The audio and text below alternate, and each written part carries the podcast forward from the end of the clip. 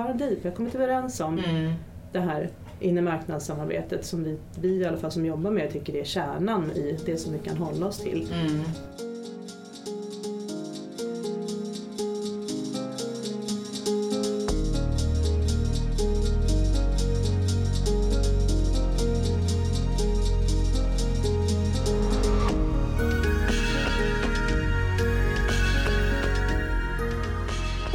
Välkomna till Utrikeshandelspodden, en samtalspodd från Kommerskollegium, Sveriges myndighet för utrikeshandel, EUs inre marknad och handelspolitik. Jag heter Alexandra Hernadi och är kommunikationsansvarig här på Kommerskollegium. I den här poddserien vrider vi och vänder på de frågor som vi arbetar med här. Vi pratar om vad vi gör, hur vi gör det och ganska mycket om varför i relation till omvärlden, globaliseringen, digitaliseringen och allt annat som händer just nu. Idag ska vi prata om vad en överenskommelse är värd, vad som händer med tilliten när den ena parten vänder ryggen till och lite om hur man går vidare när man ändå har kommit överens och bestämt sig för något. Och det här är ju då inte en podd om barnfostran, parrelationer eller ens om konflikter på jobbet, för det skulle man annars kunna tro. Idag ska vi faktiskt prata om EUs inre marknad, hur den efterlevs eh, och vad det finns för instrument att upprätthålla det regelverk som den inre marknaden är baserad på. Det som vi ofta brukar kalla för compliance och enforcement. Eh, och den här kopplingen mellan psykologi och juridik är kanske inte så här jättelångsökt som den ändå verkar. Eh, och det är lite det jag tänkte att vi skulle utforska idag tillsammans. Eh, och gäster som jag har med mig här idag är Sara Sandelius och Lena Nordqvist. Ni är båda jurister här på Kommerskollegium. Och sen har vi med oss Göran von Sydow, forskare i statsvetenskap verksam vid SIEP, Svenska institutet för Europapolitiska studier. Välkomna alla tre! Tack så mycket.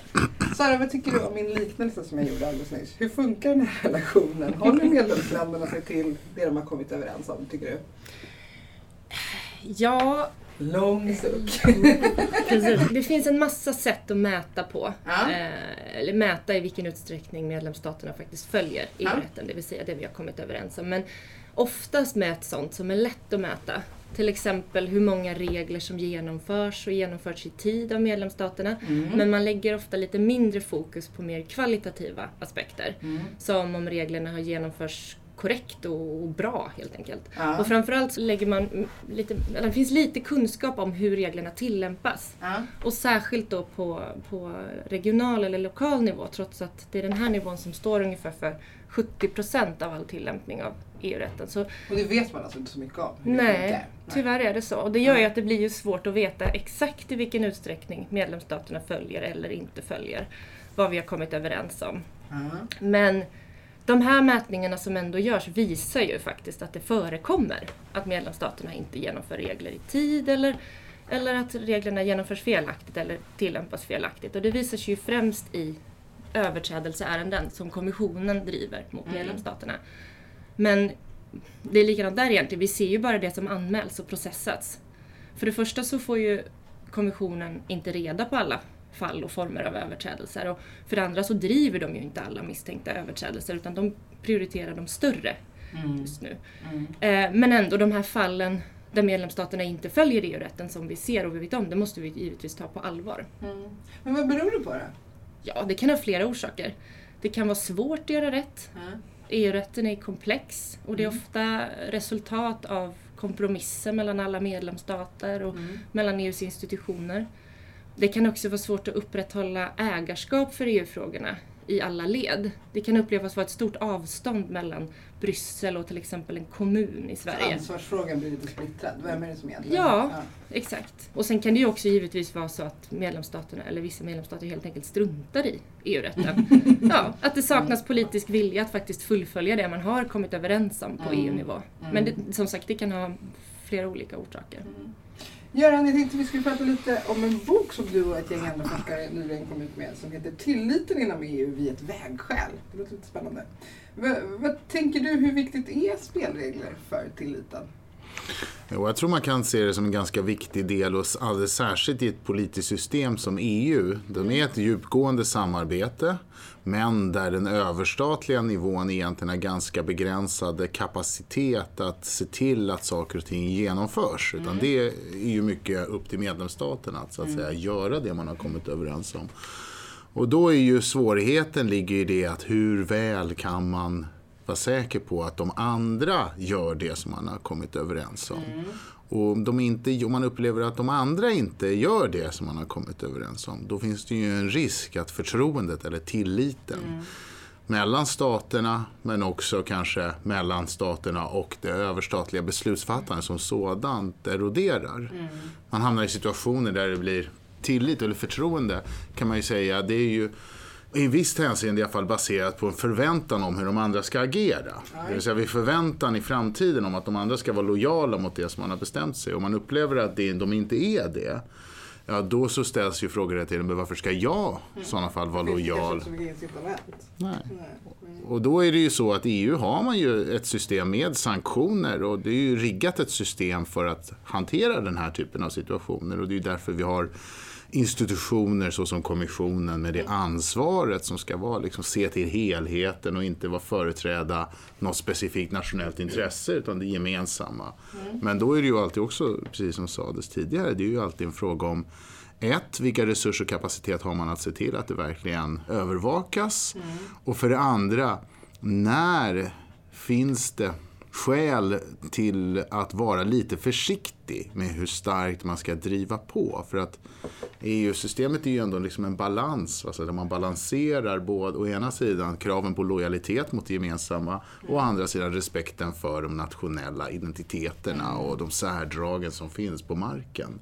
Och den där balansen är lite känslig ibland och därför så iakttar man ju viss försiktighet ibland från den överstatens sida, så att säga, kommissionen. När ska man klampa in och hur hårt och så vidare. Det kan ju skapa spänningar. Kan du ge några exempel på det här? Ja, det finns ju väldigt många situationer där det är skarpa politiska lägen. Det har vi ju haft flera då kriser på senare år som är ju sådana här tillits, liksom utmanar den här äh, förtroendet. Och eurozonskrisen naturligtvis är ju en sån som verkligen skapar motsättningar för det är så mycket som står på spel. Och där de särskilt krisdrabbade länderna har väl upplevt att deras handlingsutrymme är väldigt begränsat och att deras kraven på lojaliteten är väldigt starka. Men ett annat aktuellt exempel är ju naturligtvis eh, flyktingkrisen och f- hur man ska hantera det på ett sätt som, som klarar av att balansera då det här nationella intressen eller identiteter å ena sidan och å andra sidan kraven på lojalitet mot det gemensamma. Och där ser man ju att det verkligen skapar spänning mellan medlemsstater, mellan grupper av medlemsstater och de som är väldigt kritiska till de här besluten, de ifrågasätter ju hela grunden liksom till så här, är det här överhuvudtaget legitimt att kunna göra på det här viset? Och istället säger, då tänker vi inte, vi vill inte vara med och genomföra det här. Ja. Och då finns ju den andra sidan av det, det är ju de som tycker att det här är en god idé då, till exempel med de här uh, omfördelningen av flyktingar. Om de ser att det finns länder som motsätter sig detta och som heller inte ställer upp på att genomföra politiken, ja vad är det som gör att deras lojalitet mot andra frågor i andra sakfrågor ska vara intakt egentligen? Så att det, det är svårt. Lena, jag tänkte, du jobbar ju med Solvit som är en tvistlösningsmekanism kan man säga som vi ansvarar här på kollegiet. Eh, det finns i varje EU-land och man kan som privatperson eller företag vända sig dit om man upplever att man har blivit felaktigt behandlad av en myndighet. Kan du ge mig några exempel på viktiga frågor som ni hanterar där just tilliten till EU-rätten riskerar att liksom naggas i kanten? Jag tänker att du måste sitta på lite sådana. Mm. Ja, men jag, jag tror att det, det bästa exemplet i det här fallet är nog vårt eget problem som vi har med EU-medborgare som inte kan folkbokföra sig och få personnummer i Sverige. Ja. Det har varit ett pro- problem länge. Eh, och vi får in s- horder och strömmar av ärenden som handlar om det här. Mm. Förklara. Det handlar egentligen om en nationell regel i folkbokföringslagen som inte eh, riktigt rimmar med EU-rätten och som gör att det, det skapas problem och hinder helt enkelt för personer som vill komma hit och leva och kunna, ja vi vet ju alla vad ett personnummer betyder Mm. i det svenska samhället. Ja, det är lite av en nyckel kan man Ja. säga. Och det här är ju naturligtvis någonting som medlemsstaterna, då, man vi pratar ju om att medlemsstaterna har kanske det första ansvaret då för att, för att hålla sig till Ja. EU-rätten. Så det, i första hand så skulle vi väl kanske rätta till det här då när problemet upptäcktes så att säga. För det här det är ju sånt man kommer på då när man Mm. har ett Solvit. Vi Det är då man ser Ja, problemet. precis. Det har vi inte gjort och Solvit-ärendena fortsätter komma och alla blir uppmärksammade på det här och inklusive kommissionen. Och det är fortfarande inte, inte löst.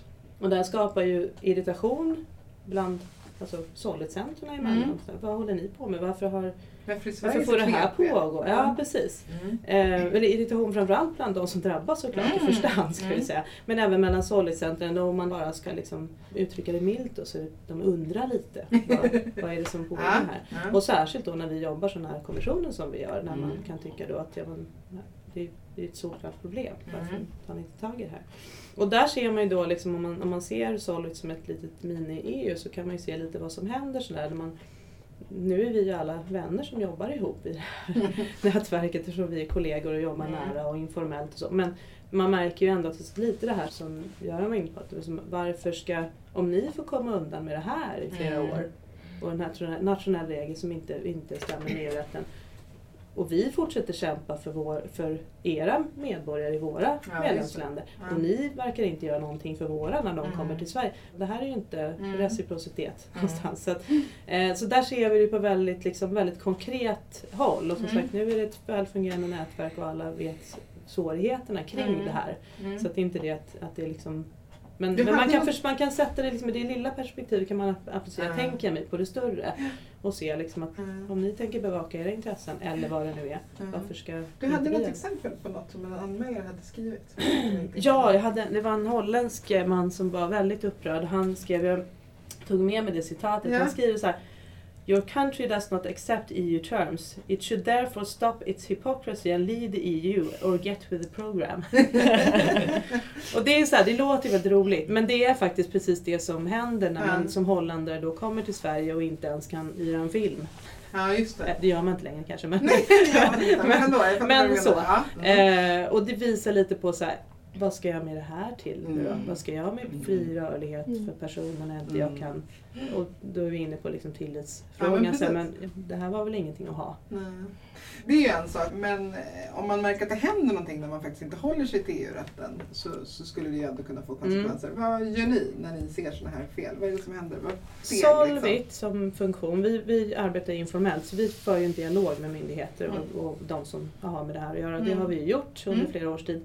Eh, så vi har ju uppmärksammat det som Solvit-ärenden. Men sen Mm. har vi också på eget in- initiativ som myndighet, som Kommerskollegium, har vi ju gett förslag på hur man skulle kunna lösa det här till och med. Så, så långt har vi gått. Mm.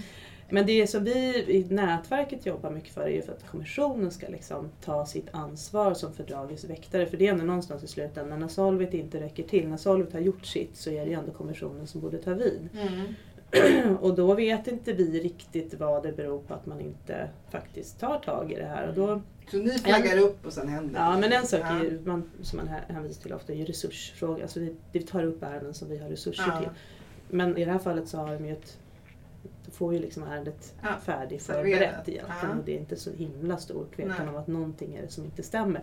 Ja. Eh, men sen funderar man ju mycket på men vilka politiska hänsyn tar man då i det här? Mm. Och är det okej och kan man verkligen göra det? Man ser ju på deras eh, nya prioriteringar kring vad de ska ta tag i. Ja, Ja. kommissionen de har kommit med ett meddelande där de pratar också om att vi ska vara bigger on bigger things och Ja. smaller small. Och då menar vi att ja, men, vi har ju massor med ärenden som kanske handlar om smaller things men de smaller things är ju då egentligen the bigger thing i liksom Ja. slutändan. Och också det att ska man ta politiska hänsyn, vilka är det då? Vilka är det som är giltiga som politiska hänsyn som alla kan vara överens om? För men om kommissionen ska ta politiska hänsyn då kan ju även medlemsstaterna göra det i sin, Ja. sin avvägning om vad de ska följa och inte följa. Ja. Så att det där med politiska hänsyn känns ju som att det aldrig kan vara okej i den i slutändan, alltså när man ska genomdriva EU-rätten. För någonstans har vi ändå kommit överens, vi har en deal, vi har kommit överens om Mm.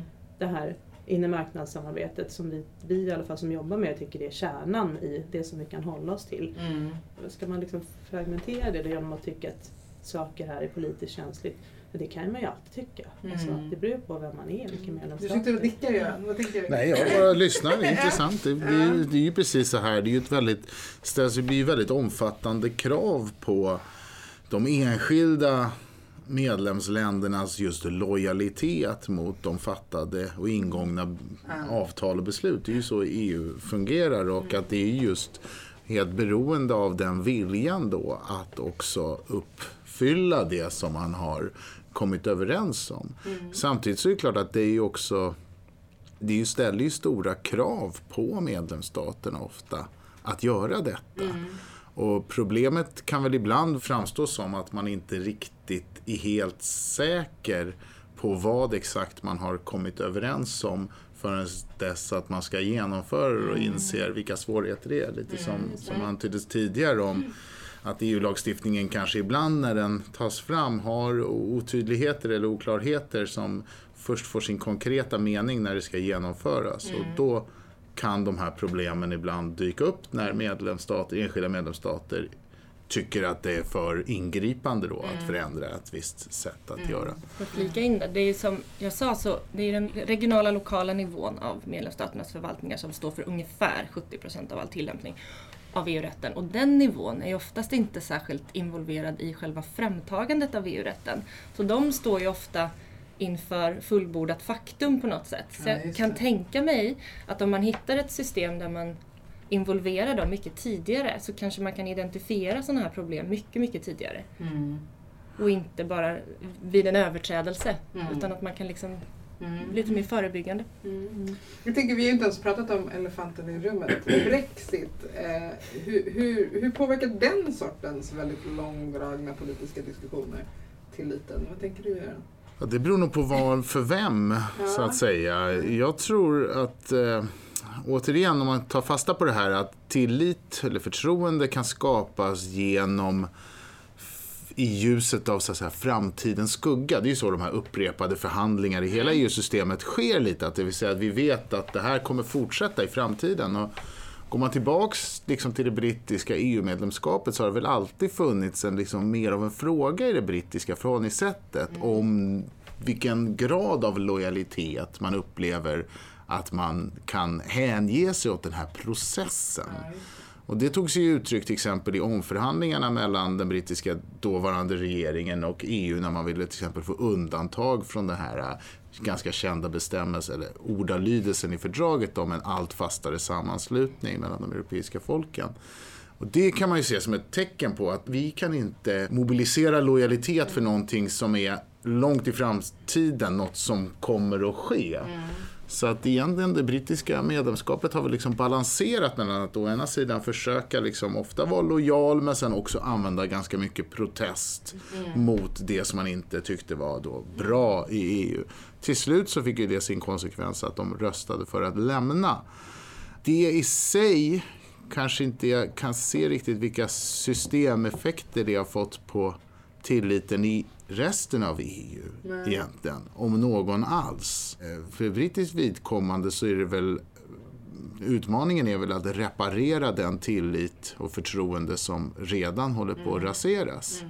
Och Det är väl en väldigt stor utmaning i bara själva förhandlingen om utträdet och kanske också vad som ska ersätta det brittiska medlemskapet. För den typen av djupgående samarbete som man vill, det kräver också förtroende. Och Allmänt sett så brukar man ju tänka att förtroende, eller tillit, det tar väldigt lång tid att bygga upp. Men det kan gå ganska snabbt att rasera. Mm, det brukar man verkligen prata om i alla möjliga sammanhang. Ja. Lena, vad tänker du? Eh, nej men jag tänker nog mycket att man ska akta sig för att fastna i ett ältande av Brexit för, med tanke på det samarbetet som vi har eh, vi andra som är kvar har att, att värna om. Ah, Så tänker, tänker jag. När, jag. Ja. när jag hör Brexit så är, blir jag lite så här. Ja, men, ja, men ja, det beror lite på vad man har för arbetsuppgifter på sitt bord också. Men det är lite så.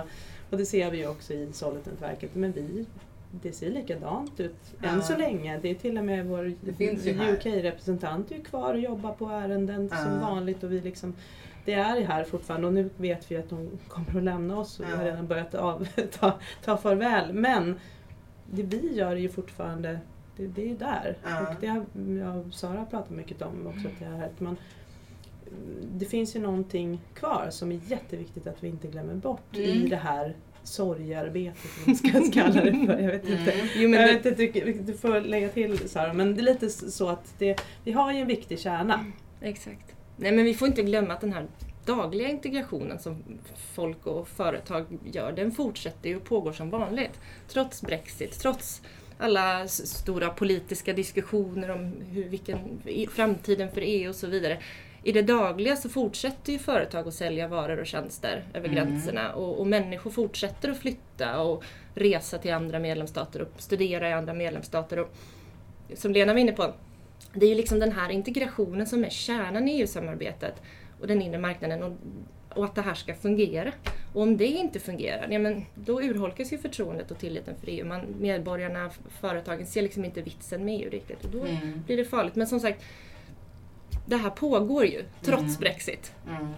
Det kan ju vara värt att påminna så här apropå britternas motspänst eh, och sådär som har varit så historiskt Mm. viktig. Så just när det gäller skapandet av inre marknaden så hade ju Storbritannien en väldigt viktig roll i den och såg det ju som en del av deras liksom Europapolitiska projekt. Och då var ju under Margaret Thatchers tid som premiärminister som var känd som en liksom delvis ganska kritisk då till EU. Men idén här, och det är ju då man övergår till också majoritetsröstning i rådet. Och det är ju en väldigt strategisk manöver från brittisk sida kan man ju se det som att då vid den tidpunkten så ville ju Thatcher och Storbritannien säkra att den inre marknaden var regelstyrd och att det skulle kunna gå att rösta ner enskilda länder för att just inte bli blockerade i skapandet av inre marknaden. Och också att kunna säkerställa att de länder som kanske var mer intresserade av någon slags statsinterventionism inte skulle ha förutsättningar att göra det. På europeisk plan så binder man sina partners men också på hemmaplan så binder man sin egen framtid, så att säga. Lojaliteten till att det här är ett marknadsprojekt. Ja. Så det finns ju en slags ironi i den meningen att det är Storbritannien som själva nu håller på att lämna den här inre marknaden som man har varit ganska drivande för att skapa och just den övergången till det system vi har som vi börjar där. Nu är det ju många områden där vi fattar beslut med majoritetsröstning men det var ju i början det, just detta syfte. Vissa få ska inte få blockera utan marknaden är det helt centrala här. Ja, men jag tänker också att det var ju ändå det var ju en ganska jämn omröstning. Det är många som tycker att det är en bra, det är en bra grej med inre marknaden. Ja, med, Mm. EU men kanske särskilt med inre marknaden. Mm. Och eh, fastnar man i liksom det här ältandet som vi pratar om så är det ju lätt att den här, det här avhoppet gör mer skada än nödvändigt. På, Mm. mm, såren blir större liksom, än vad de Mm. behöver vara Mm. på liksom det som vi ändå har kvar som kommer Mm. fortsätta, precis som Sara säger, det här maskineriet. ju Mm. liksom- Det är ju också så att även för en stort land och stor ekonomi så visar ju den här processen hittills svårigheterna med vilket man kan återupprätta nationell suveränitet. Alltså den här mantrat om att take back control. Det visar sig ganska komplext i dagens värld att verkligen upprätthålla den här typen av kontroll. Ja. Om man samtidigt vill kunna vara så öppen som möjligt. Ja. Så att det å andra sidan, det gestaltar ju också för de kvarvarande medlemsstaterna svårigheterna att vara suverän stat men samtidigt kunna ha någon slags inflytande bortom sina gränser. För det är just det som är poängen. E- Genom EU-medlemskapet så förvisso binds man av regler skapade av delvis andra men man binder ju också andra till dessa regler. Men i början så pratade man ju mycket om att Brexit som en slags smittoeffekt, att flera länder skulle vilja lämna, lämna men så verkar det inte alls ha blivit överhuvudtaget. Snarare tvärtom, eller? Mm. Mm. Eh, Jag tänkte, i boken är ni ju inne på att uppkomsten av en europeisk ekonomisk union och skapandet av den här europeiska integrationen i ett historiskt perspektiv väldigt unik. Eh, Men jag tänker lite så här, har den som vurmar för den inre marknaden kanske en lite för orealistisk syn på vad den kan ge? Liksom? Fast om Det är en jättestor fast, fråga. Ja, fast det, men det är en jättebra fråga. Alltså, om du vurmar för någonting väldigt liksom, mycket Ja. och har väldigt sådär eh, känner väldigt mycket för Ja, det. Brinner har, du för något. ja, Ja, var har du förmodligen jättestora förväntningar också. ja, det goes Men- without saying skulle jag Ja, säga. medan som du, men, då, men då är du antagligen lite tåligare för motgångar. Medan Mm. som du är mer, som jag tror att de flesta kanske har, som De flesta med, medborgare. de flesta medborgare har kanske ganska realistiska förväntningar på vad det där EU ska inbringa. Ja. Men då är du kanske också lite, om det inte levererar så tror jag att man kanske också är lite bräckligare i sin tillit. Att man, man har lite mindre marginaler. För vurmar du så är det ju liksom Det är som, det är som citat som brukar tillskrivas Jacques Delors. Han säger att ingen kommer bli förälskad i en inre marknad. Nej.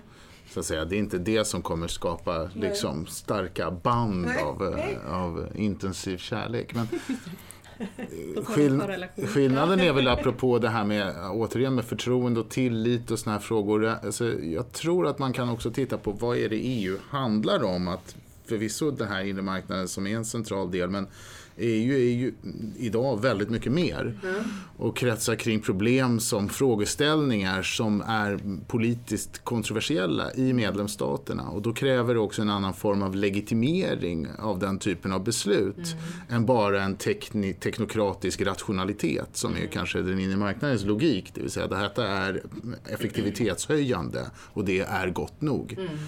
Och där tror jag att man har haft under en, en ganska lång period egentligen sen, om man tittar liksom i, lång, i ett långt perspektiv så kan man ju säga att den stora berättelsen om varför EU finns så var ju den i början väldigt mycket kretsad kring fred, det ska skapa mm. fred på kontinenten och sen när, efter murens fall så har man ju övergått mer till en berättelse om att EU ska leda till välstånd. Mm.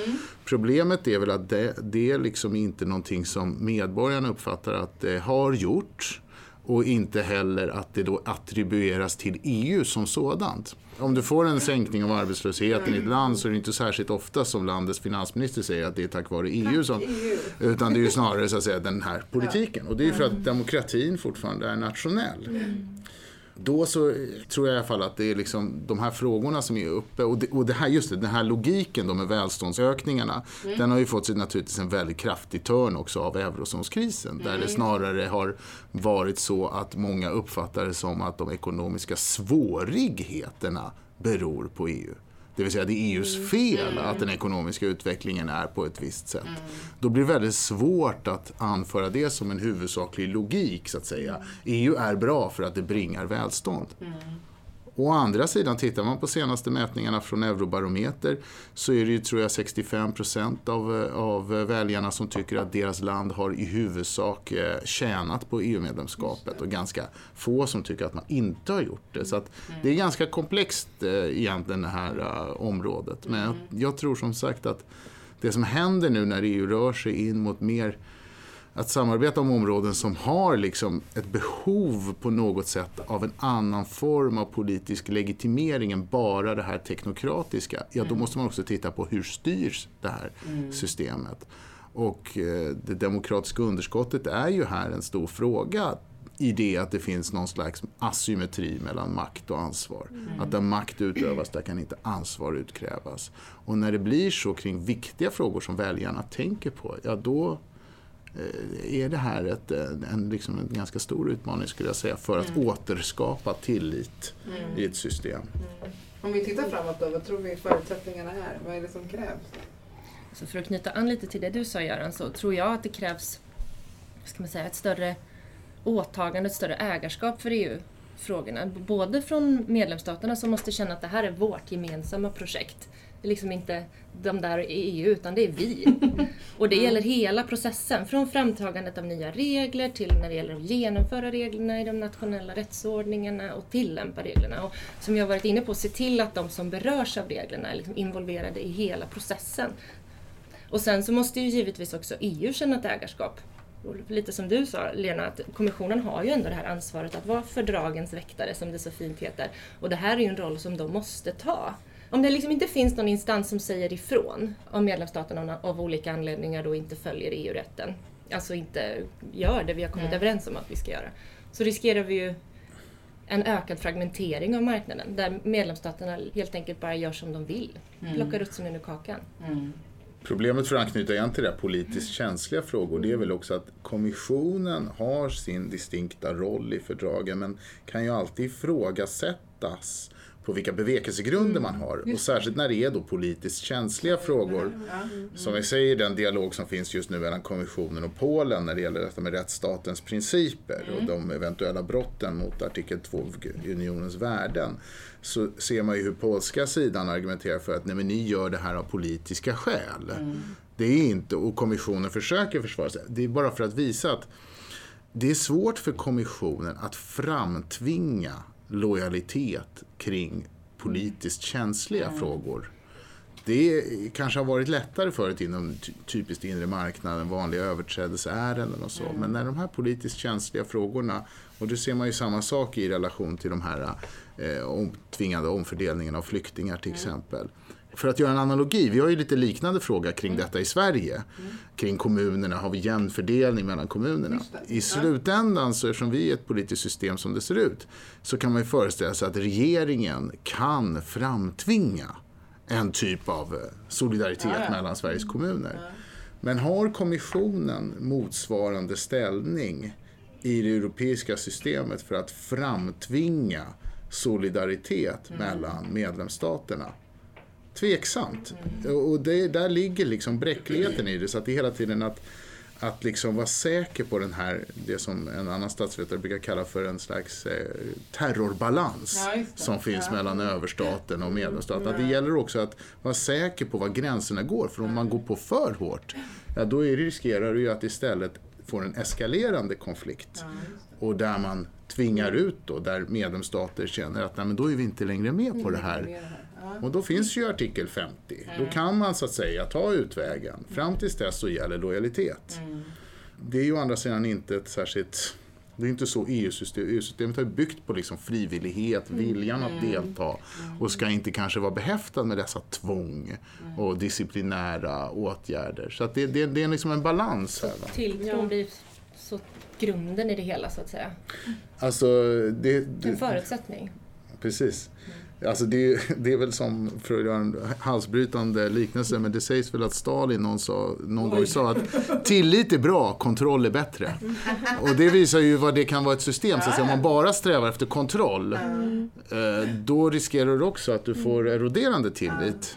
Alltså, och det är alltid det, man måste kunna ibland sätta sig in i varandras på varandras ställen. Det är lätt från en viss horisont att säga att det är självklart att ni ska vara lojala mot just den här saken som, som är väldigt oss eh, nära. Men då måste man alltid vara medveten om att det finns massa andra saker där de andra kan tycka att ni inte riktigt gör som, som vi förväntar oss av er. Vad tänker du behövs? Vad är det som krävs? Nej men jag är ju väldigt, eh, eftersom jag är väldigt nere liksom i, på, på golvet och ser liksom väldigt mycket Ja. av inremarknadsverkligheten. Och, så. och då pratar jag liksom verkligen om, om inremarknads, den här kärnan återigen då.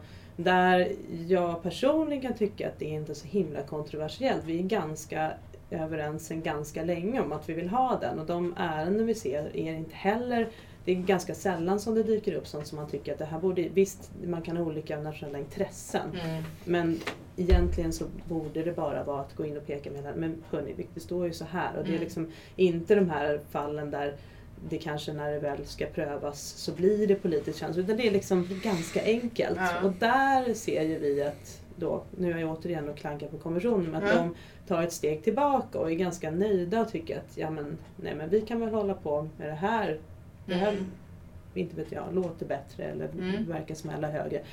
Och det tror jag är en stor fara för att då tror jag att man tappar det här grundvärdet Mm. av att ha en inre marknad som kan någonstans om det får pågå odla en, liksom en, bra, en bra tillit och en bra liksom, uppfattning om vad EU kan leverera Mm. och vad, varför vi överhuvudtaget ska kanske gå vidare då till andra lite större frågor, det som är Göran in på, liksom det här svårare grejerna och där man kanske inte riktigt är överens än. Men alltså, jag tror att det är en sorts att det, man måste liksom ta det steg för steg. Mm. Och när det då handlar om områden där det till synes inte borde vara så kontroversiellt så kanske kommissionen skulle våga steppa upp Mm. och ta sitt ansvar och inte fega ur och Mm. inte säga att det här är för liten fråga eller det här är liksom det kanske är de små frågorna som bygger det kanske är de de små eller? frågorna och det kanske är, de, de kanske, jag vet inte varför de tycker att vissa saker är politiskt känsligt i de här sammanhangen.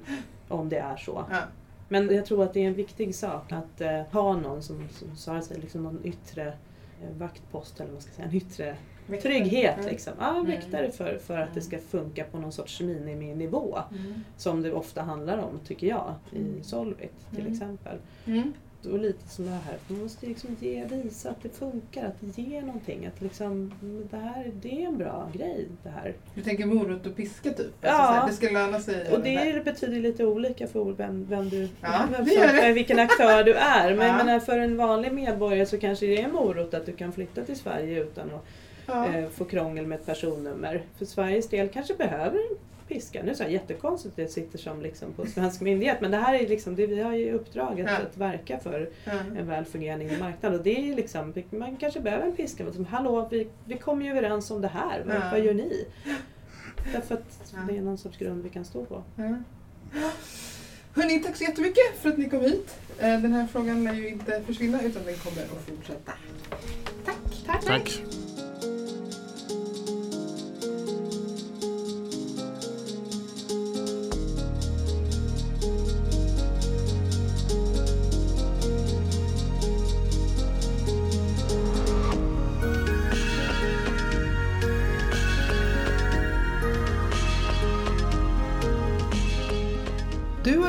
Utrikeshandelspodden, en podd från Kommerskollegium.